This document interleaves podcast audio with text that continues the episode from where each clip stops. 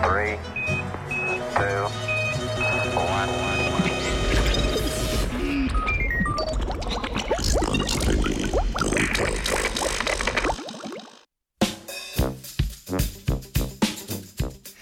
Kognitivna pristranskost. Ljudje smo izjemna bitja.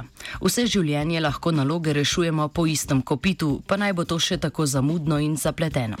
Včasih nam sploh ne pade na pamet, da bi se vprašali, ali lahko vsakdanja opravila opravimo na drugačen način.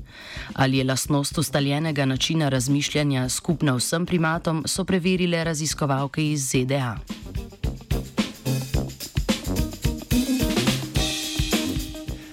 Poskusu je sodelovalo 60 študentov, 22 opic kapucink in 7 makakov, vsi pa so preigravali preprosto računalniško igrico.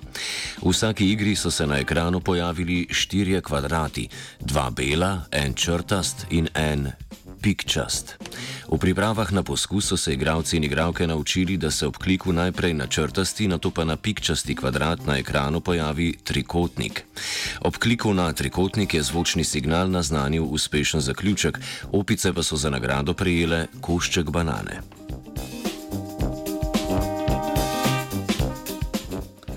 Ko so se igralci naučili strategije, so znanstvenice igri dodale bližnjico, pri kateri se je trikotnik na ekranu pojavil že takoj na začetku. Tisti, ki so na trikotnik kliknili takoj, so brez predhodnega klikanja na črtaste in pikčaste kvadrate dosegli hitrejšo in lažjo zmago.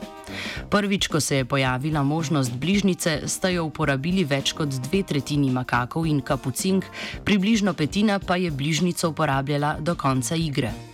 V nasprotju z opicami je ob prvi priložnosti le en človek uporabil bližnjico, nihče pa je ni uporabil vsakič, ko je bilo to mogoče.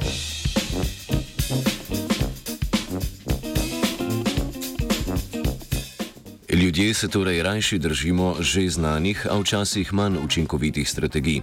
Avtorice predpostavljajo, da je to posledica izobraževalnega sistema, pri katerem učitelji upoštevajo le en način reševanja naloge.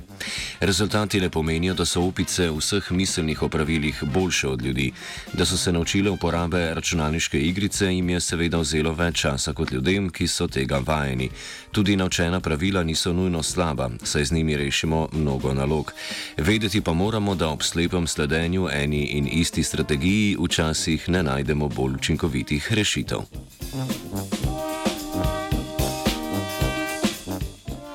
Izven okvirov se je podala živa.